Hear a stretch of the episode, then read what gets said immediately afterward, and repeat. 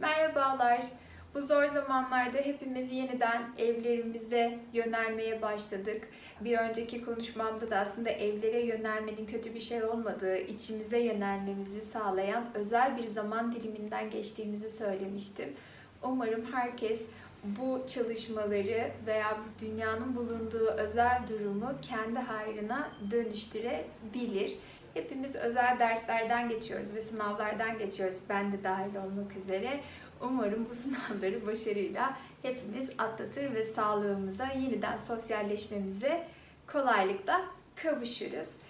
Şimdi bugün değinmek istediğim konu hepimiz evlerimize yeniden yönelince, iş alanlarımız ve özel alanlarımız da azalınca aslında şunu fark ettik. Ben değerli miyim?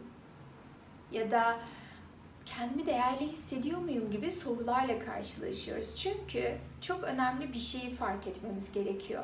Biz aslında dışa bağımlı bir şekilde değer yargılarımızı oluşturuyoruz çoğumuz.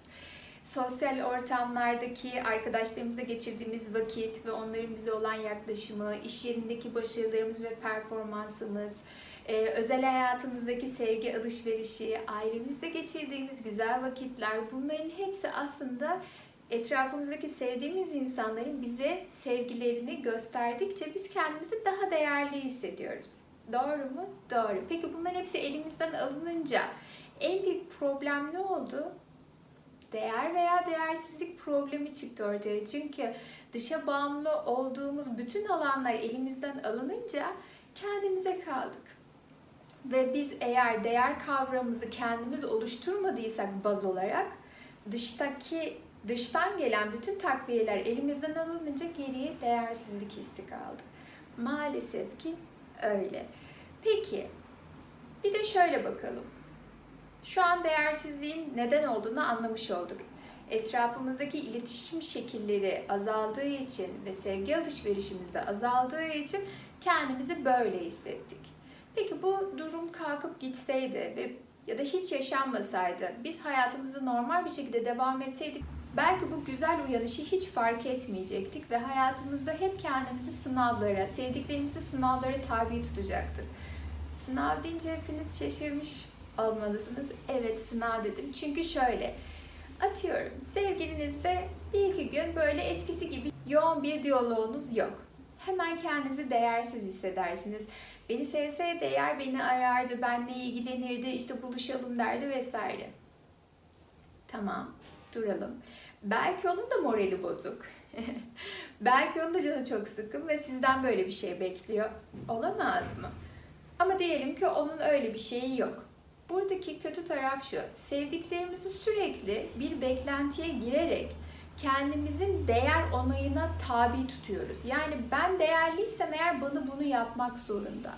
Ben değerliysem eğer işte bana bu şekilde yaklaşmalı. Ben değerliysem eğer bana işte jest yapsın. Yani şöyle bir şey var. Sevdiklerimize farkında olmadan sürekli bir sınava tabi tutuyoruz onları ve sınavın sonucuna göre kendimize değer puanı veriyoruz. Neden? Neden kendi değerimi kendim belirleyemiyorum? Neden o duruşumu stabil hale getiremiyorum? Ve belki ben stabil olursam, yani değerimin ne olduğunu bilirsem zaten yaydığım frekans stabil olacağı için insanlar da bana o şekilde yaklaşacaktır. Ama ben bir gün birinden düşük puan aldığım için kendimi kötü hissedersem zaten frekans olarak kötü bir enerji yayacağım ve inanın bu enerjiyi hissediyor sevdiklerimiz ve arkadaşlarımız ve onlar da farkında olmadan yani sizden o negatif frekansı alınca zaten istenmişse size değersiz gibi davranacaklar. Halbuki size değersiz davranmıyorlar. Sadece öyle hissettikleri için belki beden dilleri veya söylemleri size değişiyor ama geçici bir şey bu. Kendinizi değerli veya değersiz hissetmeniz karşı tarafın size olan eylemlerine bağımlı olmamalı. Ama şu olmalı, eğer siz kendi değerinizi şekillendirip kendinizi dünyada bir yere konumlandırdıysanız ve değer kavramınızı madde madde oluşturduysanız, ne olduğunuzu biliyorsanız zaten dışarıdan gelen eylemler size sadece küçük birer deneyim olacaktır. Biri bana kötü davranıyorsa benim her zaman ilk sorduğum soru şu. Ben mi tetikledim gerçekten? Bugün modum mu kötü? Yoksa onun morali mi bozuk? Gerçekten bana kötü davranmasının sebebi ben miyim yoksa benimle hiç ilgisi yok mu? Üçüncüsü de gerçekten o insanın iyi niyetli olup olmadığını sorgularım. Eğer bunların cevapları benim aklımdan bir tanesine yatıyorsa ona göre tavırlarımı değiştiririm. Kişiye karşı ama kendime karşı değil. Kendime her zaman hoşgörülü ve şefkatli olmalıyım. Biri bana kötü davrandığı için onu görevim affetmek değil. Benim görevim o karşı tarafın bana yaptığı eylemden ders çıkarıp bir daha kimsenin bana bu şekilde yaklaşmasını engellemek. Bu. Peki, şimdi bu dışa bağımlılık kavramını az çok anladığınızı düşünüyorum ki bence anladınız. Ve peki şöyle artık dışa bağımlı değer yargımızı ve sınavlarımızı ve puanlama sistemimizi öğrendiğimize göre hadi şimdi kendimizi nasıl değerli hissederiz ve dışa bağımlılığımızı nasıl azaltıp kendi özbenliğimize kavuşabiliriz bunu anlatayım. Öncelikle ben ne olduğumu bilmeliyim.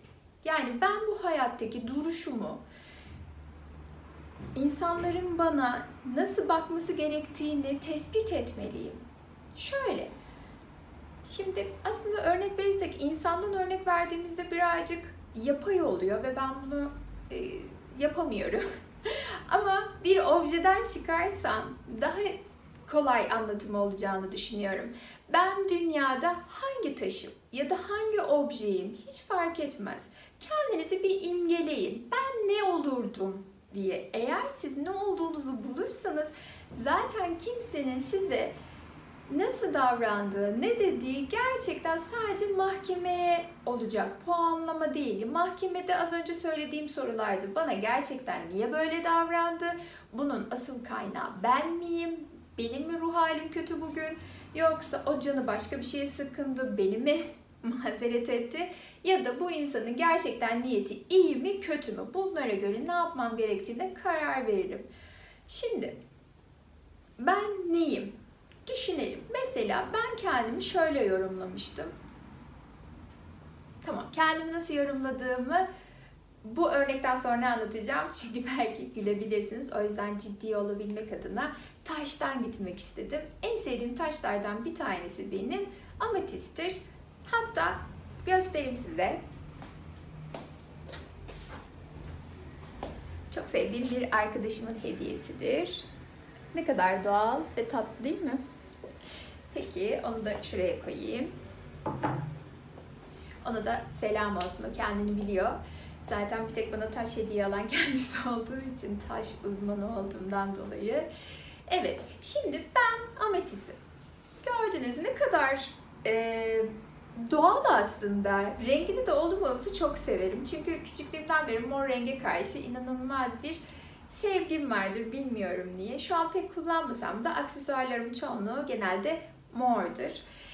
E, mor renk bir de taç çakrasıdır ve aslında bizim evrende bağlantımızı, yaratıcı güçte bağlantımızı sağlar. O yüzden ayrıca bir çok seviyorum.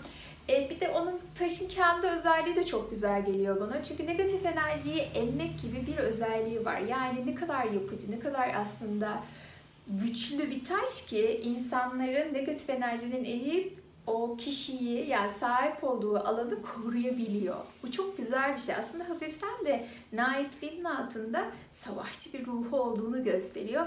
Bu da beni çok yansıtıyor.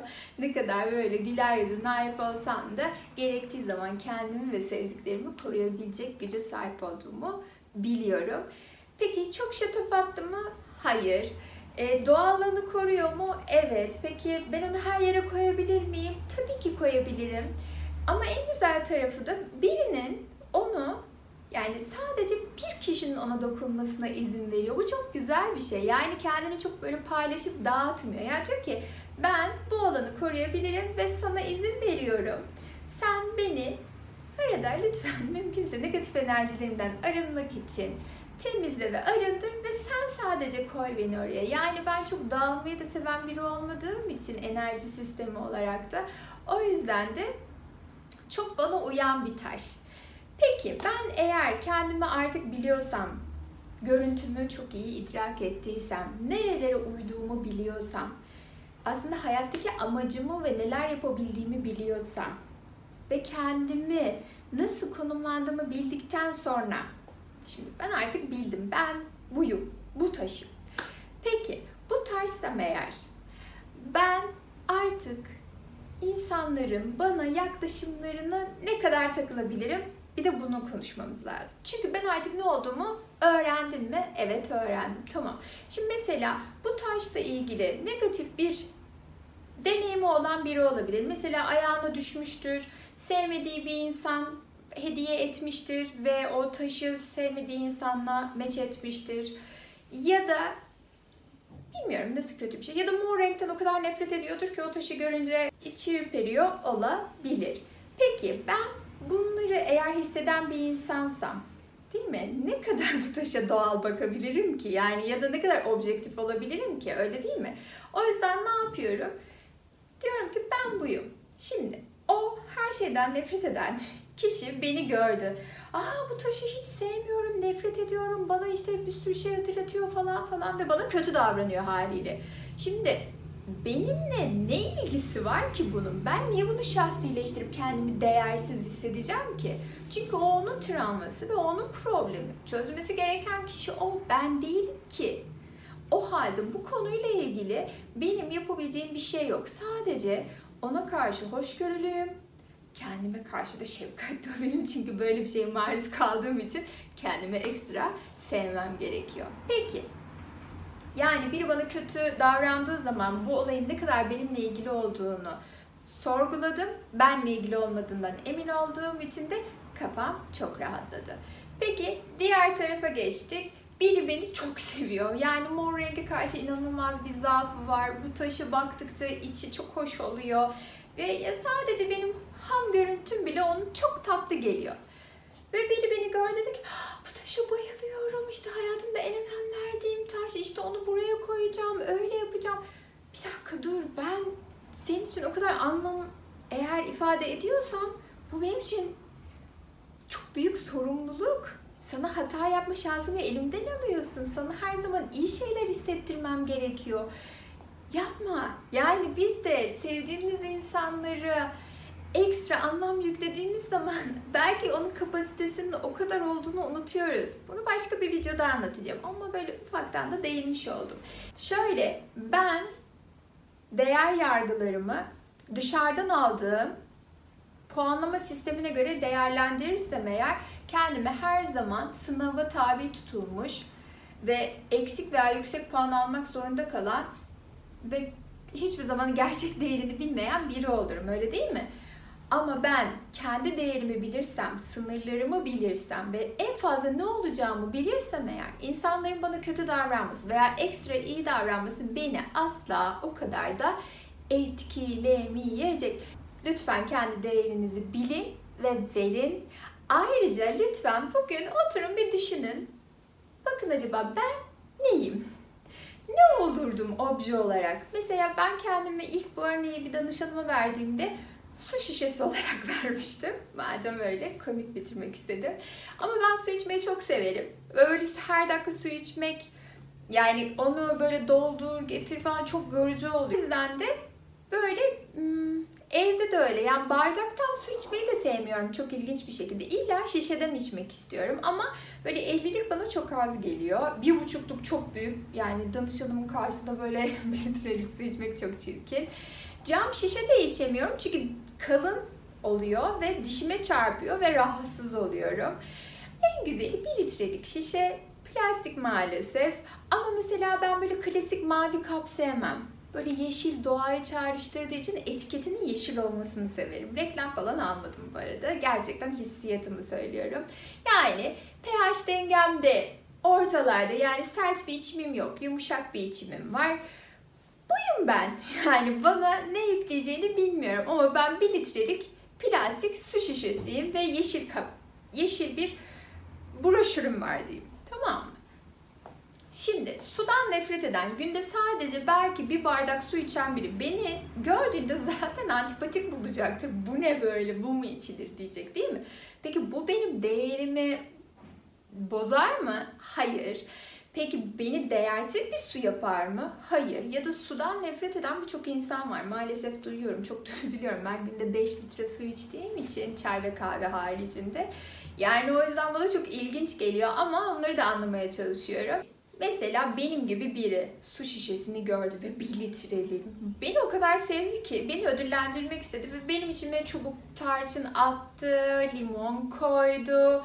Beni olduğumdan daha tatlı bir hale getirdi ve beni öyle seviyor ki beni olduğum şeyden dışarı çıkarttı aslında. Farkında mısınız? Yani ben aslında neydi? O bana gitti çubuk tarçın koydu, limon koydu. Beni akrilik bir su yaptı yani. Ben ama o değildim. Ama bana onu yaptı ve benim normalimi içtiğinde keyif almadı. İşte bir insana çok fazla anlam yüklemenin de dezavantajı işte bu. Beni olmadığım bir şeye çeviriyorsun. Sonra benim olmadığım bir şey yani senin hayalindeki olmadığım şeyi görünce de hop hayal kırıklığına uğruyor. Maalesef o tadı ben sana veremiyorum orijinalimde. Lütfen hepimizi olduğumuz gibi görelim.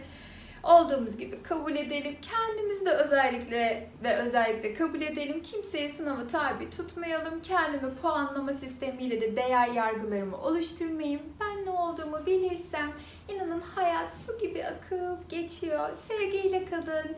Umarım bu süreci kolaylıkla atlatır. Sağlıklı günlerde buluşuruz. Hoşçakalın.